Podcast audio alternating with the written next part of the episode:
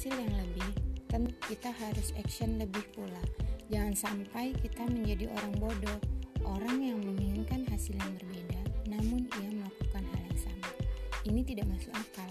Harusnya ketika kita menginginkan hasil yang berbeda, tentu action kita harus berbeda pula. Oleh karenanya, kita harus massive action. Jikalau orang lain itu actionnya satu kali,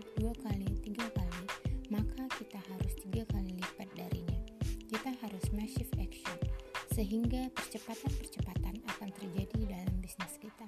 Selamat berjuang dan massive